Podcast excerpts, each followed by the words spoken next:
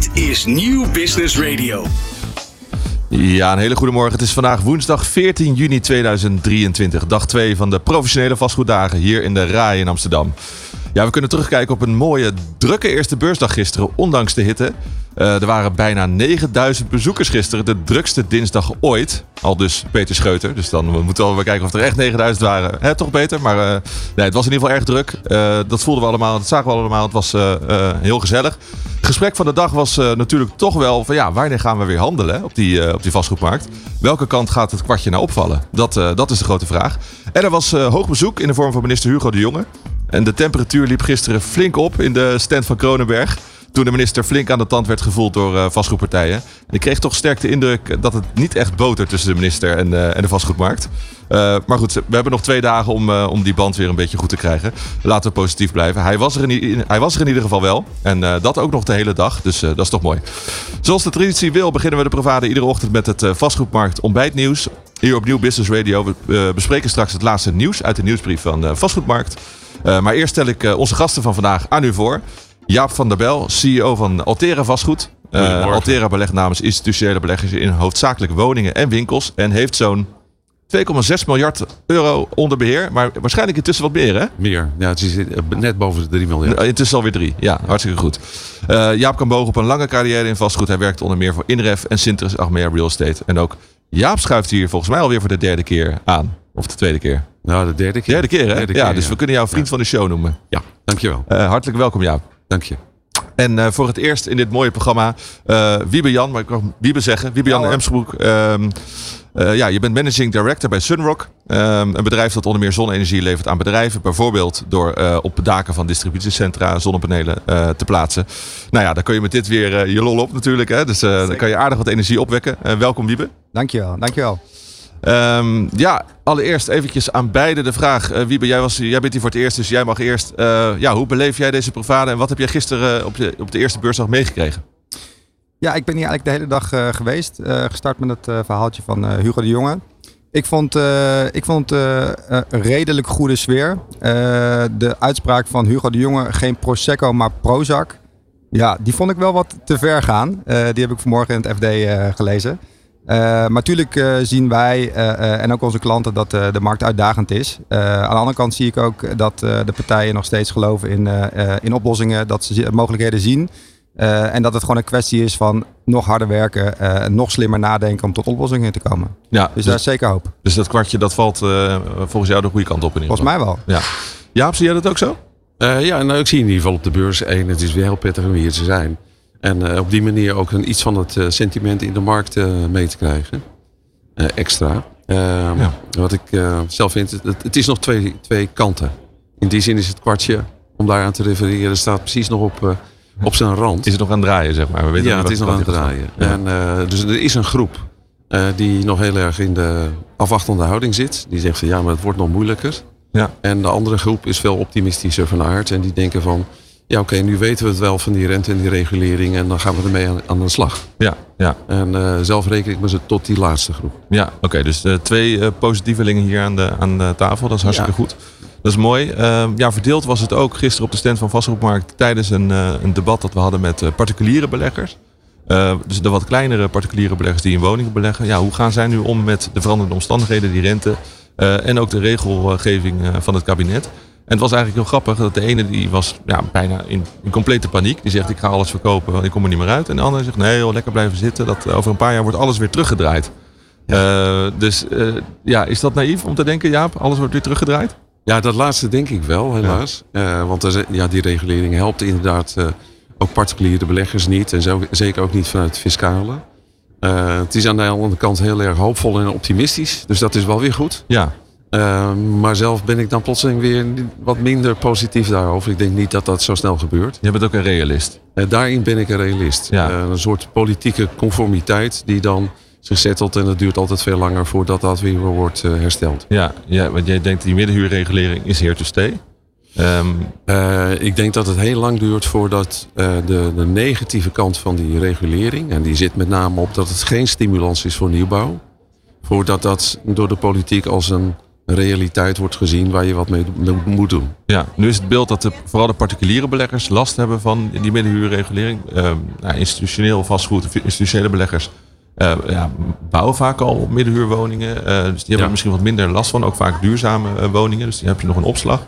Um, toch was gisteren op de stand van Kronenberg zat ook Vesteda en, en, en, andere partijen. Die waren toch wel erg kritisch nog altijd op, op Hugo de Jong. En zeggen van ja, als je meer aanbod wil, dan moet je niet dit doen. Hoe sta jij daar nu in, Jaap? Ja, dat in, nou, vanuit de simpele conclusie dat de regulering zoals die nu is op de huur, nou, dus het WWS-puntenstelsel en wat iets, wat iets meer zijn, dat helpt niet om de nieuwbouw te stimuleren. Nee.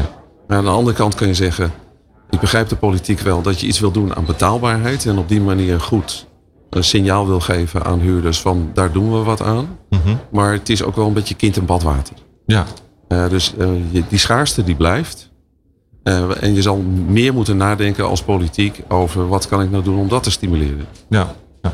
Zou, zou het misschien fijn zijn, uh, Wiebel, ik kijk even naar jou. Je, je begeeft je natuurlijk in een ander segment. Ja. Maar uh, ja, je krijgt ook, ook mee wat, wat er met, op de woningmarkt gebeurt en wat Hugo de Jonge doet. Zou het fijn zijn als de minister in ieder geval zou erkennen dat nou, die schaarste en een terugval van aanbod er nu eenmaal bij hoort als je gaat reguleren op een markt? Nou, ik denk dat het goed is om daar wel bewust van te zijn. Ja. en wat ik, nou, eerlijk gezegd net heb geleerd, toen we hiervoor nog heel even aan het kletsen waren, Jaap, is dat de particuliere eigenaren, die groep eigenlijk echt enorm groot is. Ja. Ik begrijp dat er 3 miljoen mensen in Nederland in een, in een huis woont, waardoor een particulier wordt bezit. Ja, er zijn 1 miljoen huurwoningen in bezit van particuliere beleggers. Ja, ja dus die moet je zeker, zeker ehm, serieus nemen. maar daarnaast, wat je ook ziet, is dat het met name de institutionele beleggers zijn die voor de nieuwe huizen zorgen. En dat is waar Hugo de Jonge naar op zoek is. Ja. Uh, dus ja, daar zul je een balans in moeten vinden. Ja, en denk je dat hij dat doet op dit moment? Uh, ik denk dat hij de balans probeert te, te vinden met, een aantal maatschappelijke uh, waarden die ook belangrijk zijn. Uh, ben ik het helemaal mee eens. Uh, en ik denk dat het daar een beetje conflicteert met de institutionele beleggers. Die wellicht een iets eenzijdiger beeld hebben, want die kijken naar een rendement. Ja. en die nemen andere aspecten niet mee. Ja, nou, het was ook Hugo de Jong heeft ook gezegd, we willen af van buitenlet, we willen naar beeldlet. Dus, uh, dus we willen meer. Maar jij zat nee te schudden, Jaap. Uh, toch was jij laat toen we in ja, Nieuwsport ja, zaten met Mario Appelman, was jij toch wel positief? Ja, we ja, hier wel mee klopt, slag klopt, ja. ja. Er is iets heel paradoxaals in. Van, uh, er is natuurlijk nog wat is regelgeving in wording. dus dat zorgt ervoor dat je zegt, nou ja, creëer in ieder geval wat je hebt voorgesteld. Tot, maak dat tot regulering en duidelijkheid. Want dat is wel zo als de regulering er is, dan ontstaat er duidelijkheid tussen zeggen maar wat goed en wat niet goed is. En dan heb je een heel duidelijk kader als institutionele belegger hoe je verder gaat met die nieuwbouw. Ja, en denk, je, denk je dat er nog gemorreld wordt aan die wet dan? En nou ja, het moet dan door de, door de Kamers. Ja. En uh, politieke besluitvorming brengt met zich mee, is dat er misschien nog een concessie hier of een concessie daar wordt gedaan om een meerderheid te halen. Want er werd laatst op een VVD-congres alweer uh, gehakt op die wet. Hè? Van moeten we dit eigenlijk wel doen als die bouw zo stilvalt? Nou, de VVD zit in de coalitie, dus... Ja, maar, maar je hebt geen meerderheid, hè? Nee, uh, dus, maar... maar daar denk ik dat ze ook gelijk hebben. Dat, dat, je legt de vinger eigenlijk op een zeer plek. Die regulering helpt niet om de nieuwbouw te stimuleren. Nee, dus je krijgt wel betaalbare woningen, maar ja, niet meer. Je krijgt er niet meer. Nee. En bijvoorbeeld morgen heb ik een, een, spreek, een spreekbeurt, zal ik zo maar zeggen, voor pensioenfondsen. Uh, om hen uit te leggen is dat met de huidige uh, dynamiek, de huidige markt, uh, ga je die 900.000 woningen niet bouwen. in die 7,5 jaar die er nu nog is. Dat lukt niet. Het geld is er niet. En bovendien neemt de bevolking toe. Ja. En in, in die mate dat je, als je nu niet stimuleert, dan zal je niet alleen tot 2030 schaarste hebben, maar ook 2040, 2050. Ja. En ik weet niet wat, of we dat wel willen in Nederland. Nee, dat lijkt me niet. Uh, lijkt me niet uh, überhaupt inderdaad omdat die bevolking groeit. Um, als je het in cijfers kan uitdrukken, jullie als Altera, uh, qua woning, hoeveel bouwen jullie er normaal gesproken in een jaar? Hoeveel staan er in de pijplijn? En wordt dat dan minder nu door die re regulering? De, ja, het wordt wel wat minder door die regulering. Maar ik moet je eerlijk zeggen dat op dit moment de hele markt natuurlijk in het gewricht zit van ja. wennen aan de rente, de hogere bouwkosten. Uh, de, dus dat is veel belangrijker uh, voor het doorzetten van de bouw dan, uh, dan de regulering. Mm -hmm. want ja. we, wij, wij focussen juist op die betaalbare huur in de, in de middenhuursegment. en daar kunnen we prima mee uit voeten. Ja, kun je eens wat getallen noemen? Ja, we hebben nu 1250 woningen in aanbouw. Ja. we willen elk jaar eigenlijk 1000 woningen weer acquireren. Ja. En om dat te kunnen doen, moeten we een goed aanbod hebben naar de pensioenfondsen. Niet alleen het financieel, maar ook het niet-financieel rendement. Want wat we willen bouwen zijn gewoon echt goede woningen, Ja. duurzame woningen en betaalbare Ja, woningen. we gaan het zo nog even over de pensioenfondsen hebben. Ja. Ik wil nog even weten, Wiebe eh, in het voorgesprek zei... ja, er zijn eigenlijk, want je geeft natuurlijk een andere markt... maar er zijn toch wel eh, parallellen te trekken met die, wat er op de woningmarkt gebeurt... en wat er ook in het gebied van eh, renewables wa- gebeurt. Ja, zeker. Wij zitten eigenlijk in hetzelfde domein waarin we zien dat enerzijds de kosten eh, van de materialen stijgen, arbeidskosten stijgen ook, terwijl de inkomsten uh, uh, dalen. En dat klinkt misschien heel gek in deze tijd waarin de energieprijzen zo hoog zijn. maar om, uh, zeker om grootschalige energie te financieren, kijk je naar de lange termijn prijzen. En die zie je eigenlijk alweer hard omlaag gaan en steeds lager worden, omdat er eigenlijk een overvloed aan, aan duurzame energie komt. Dus het interessante is dat daar eigenlijk ook over een jaar of twee, drie de salderingsregeling wordt afgeschaft. Ja, wat een impact gaat hebben op Ja. met name de particulieren die, die dan een stuk minder zullen gaan investeren in solar. Terwijl je dat eigenlijk steeds meer wil. En anderzijds ook het grootschalige. Dus je ziet dat de grote ontwikkelaars zoals wij, maar ook onze uh, uh, andere partijen in Nederland, ja, die ontwikkelen veel minder uh, hierdoor. Um, dus het is belangrijk dat we daar ook tot een nieuwe lange termijn uh, visie gaan komen. Ja, ja, dus je zegt eigenlijk doordat er minder wordt geïnvesteerd, ook in die woningbouw, eh, zijn er minder grootschalige projecten. En Ja. daar hebben jullie ook wel last van.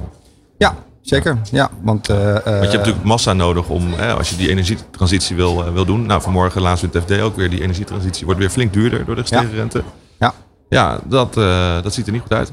Nee, zeker niet. En terwijl um, als wij grootschalige energieprojecten realiseren, kunnen we op, op die manier weer heel veel stroom leveren aan de, uh, aan de huizen, aan de Ja. appartementen, die vaak niet de mogelijkheid hebben om dat uh, op eigen daken op te wekken. Ja. Het is toch wel een bijzondere wereld, omdat we natuurlijk de afgelopen tien jaar waren gewend. Er was geld zat, er was altijd genoeg geld. En uh, gisteren hadden we ook een debat met de woningcorporatiedirecteur. En er zat ook Erik Gertsen van uh, IJmeren. En die zeggen, ja, we hebben geld, maar eigenlijk over drie jaar is het op. Als we zo doorgaan, dan is onze investeringscapaciteit, zijn we doorheen. En zij kunnen nog goedkoop, lenen. Hè? Uh, dus um, dat is toch iets, ja, wel opvallend, ja, vond ik dat om te horen. Ja, dat klopt wel. Terwijl wij natuurlijk als institutionele beleggers graag samenwerken met corporaties. Juist ook in grotere projecten. En overigens met IJmeren zijn we bezig uh, op dit moment. Het is nog niet in het stadium dat ik het kan vertellen. Dat vind je jammer, dat begrijp ik. Ja, ja maar goed, uh, je, je maar, zegt wel al iets. Ja, dus, uh, ja. En de oplettende luisteraar die zal tussen de regels door weten waar dit om gaat. Ja, dat hoop ik. Ja. Dat in ieder geval een idee heeft van dat we daar serieus mee bezig zijn. Ja, ja. ja corporaties hebben een behoorlijke taakstelling. Hè? En ik begrijp heel goed dat hun middelen niet onbeperkt zijn. En dat het misschien niet eens een, altijd even rendabel is binnen hun kader.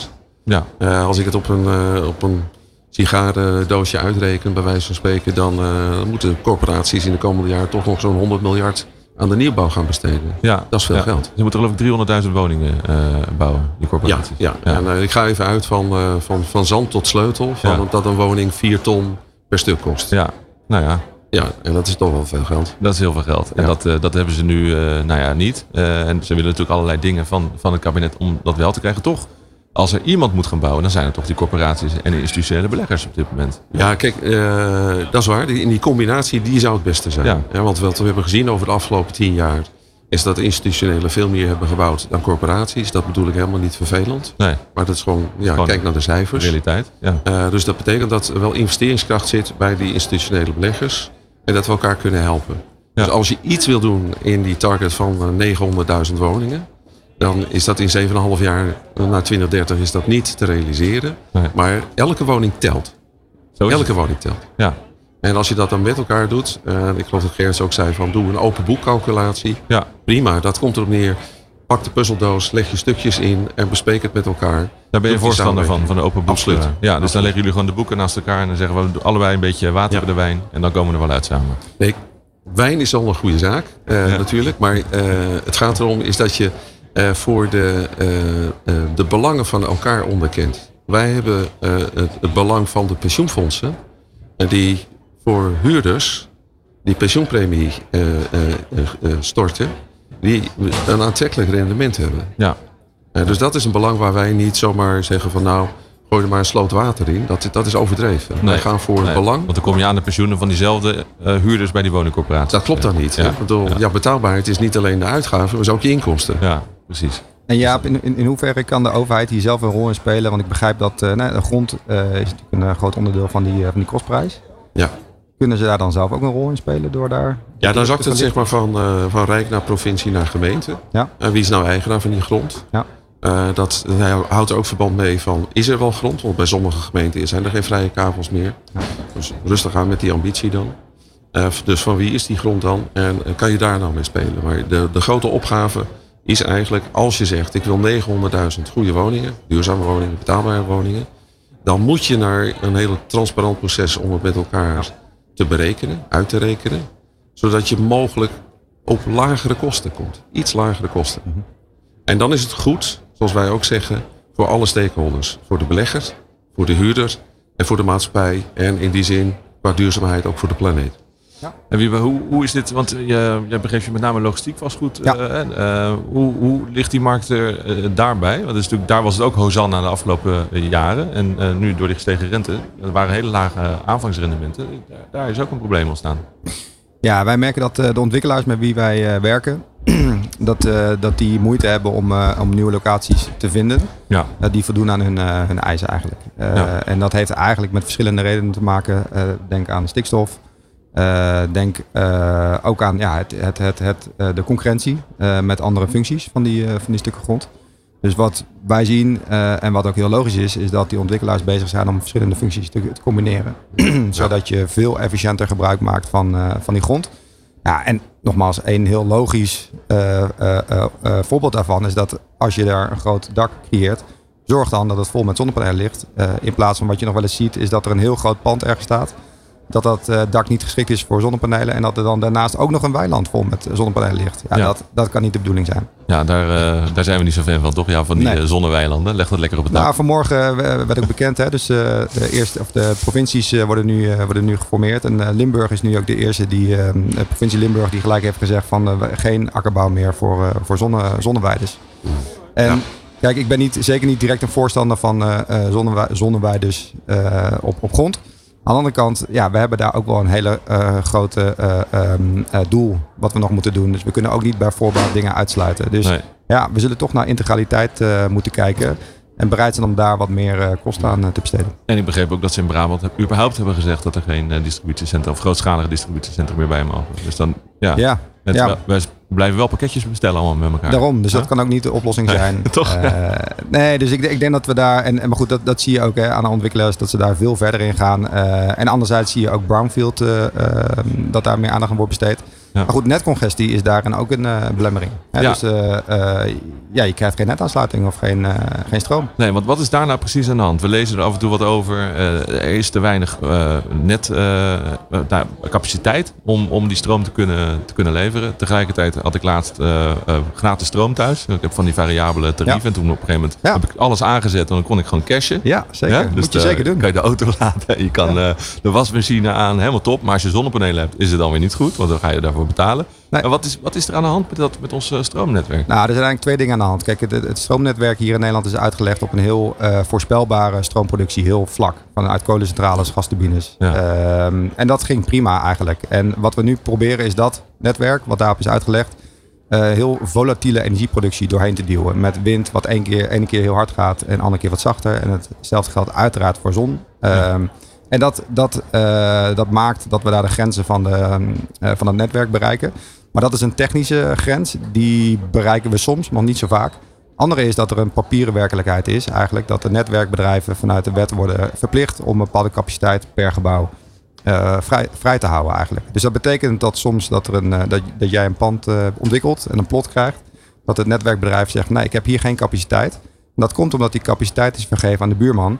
Maar die buurman gebruikt het wellicht helemaal niet. Hm. Eh, of die gebruikt er misschien maar een klein beetje van. Ja. Dus nou, eh, op Schiphol Trade Park is daar een heel mooie pilot eh, gevoerd om te zeggen van nou laten we nou exact meten wat er daadwerkelijk wordt gebruikt. En wat bleek, er was eigenlijk voldoende capaciteit.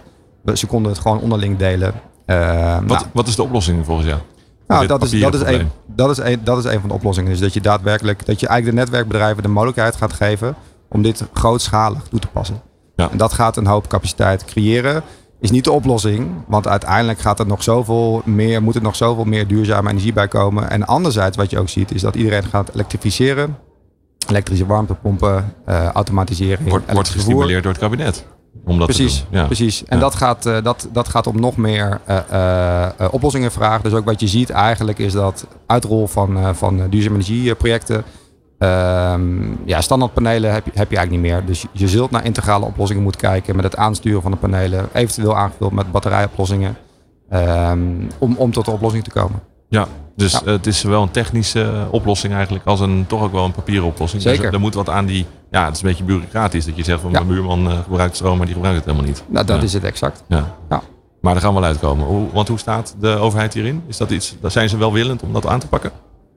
Eh, ja, eh, en je ziet ook dat, dat, eh, dat daar eh, proeftuinen voor worden opgetuigd. Je ziet ook dat, wel dat daar beleid voor wordt gemaakt. Maar het gaat eh, een beetje traag. Ja. Gaat een beetje traag. Ja, Ja, ja. Nou, het is een beetje wat het is. Het is ook een beetje de grote verbouwing van Nederland. ja daar zijn we wel mee bezig. Ja, daar zijn we wel mee bezig. Ja. En eh, als je zelf gaat verbouwen, dan hoop ik dat je een goed plan hebt. Want anders weet Ja. je gewoon dat je denkt van, oh ja, dit moet weer, weer, weer even anders. Ja, ja dat, En, eh, dat is leuk toch? Ja, dat, dat is leuk over verbouwen hartstikke leuk. Ja, ja, Ja. prima. Maar eh, hier gaat het om een heel land. Eh, en eh, de, de plannen zijn nog niet op al die functies goed op elkaar afgestemd. Dus we hebben eigenlijk geen goed bestek hebben we gewoon voor, eh, Nee, je hebt voor de eh, verbouwing van bouw- Nederland. Bouwtechnisch heb je nog geen goed bestemd. Nee, hebben we wel. En we, we hebben ook geen echt goede aannemer. In ieder geval tekort hebben we om dat Eh, allemaal te nou, doen. ik geloof wel echt in de kracht van Nederland op dat punt hoor. Ja? Eh, wat dat betreft. Maar eh, er moeten nog beslissingen worden genomen van Ja. wil je daar nou landbouw of niet? Ja. Wil je daar natuur of niet? Ja, En wil je daar woningen of niet? Ja. Eh, en, en alles wat er dan bij hoort, zoals de energievoorziening, maar ook de watervoorziening, eh, kan, het, kan het allemaal wel. we hebben een minister van Nederland nodig. Een premier misschien wel. Ja, ja. Oh, is- Dat is de beste nieuwe functie. Ja, dat is een leuke. Dan gaan we eens opperen in Den Haag. Ja. Eh, nog eventjes over Nederland en het imago van Nederland onder, onder buitenlandse eh, investeerders. Eh, daar ging het gisteren ook nog eventjes eh, over. Ehm, hier in de ochtendradio zat eh, Jan-Willem Jeuken van Jardi. En hij zegt, ja, zij praten, het is een Amerikaans bedrijf Jardi. Hij praat met veel buitenlandse investeerders. En hij zegt, ja, Nederland was altijd vrij populair onder, eh, onder, de, onder de buitenlandse investeerders. Maar de laatste tijd toch niet meer zo. Eh, en dat heeft ook met name te maken met die onzekerheid. Hè? Dus die jij ook al noemde rond, rond ja, veranderde wet en regelgeving. Dus er zijn best wel wat investeerders die zeggen van nou, dat Nederlands vastgoed. Eh, we kijken wel even naar Zweden of we kijken wel even naar Ierland. We kijken wel even naar andere landen. Niet dat daar geen regel, eh, regulering is, maar dat is iets duidelijker in ieder geval en eh, consequenter. Ehm, Jaap, ja, als, als Nederlandse partij, eh, hoe, hoe kijk jij hier naar? Ja, als Nederlandse partij met, Ja, buitenlands, met buitenlands geld, met ja. buitenlands geld. Herken jij dit? Ja, ik herken het wel. Het is, kijk, als je geen duidelijkheid kan bieden en geen voorspelbaarheid kan bieden, dan maak je het moeilijk voor buitenlandse partijen eh, om dan die stap te nemen om van hun eigen land geld ergens anders te stallen. En eh, de regelgeving die er dan nu is, eh, die helpt zeker niet. Nee. wij, wij hebben daar zelf ook mee van doen.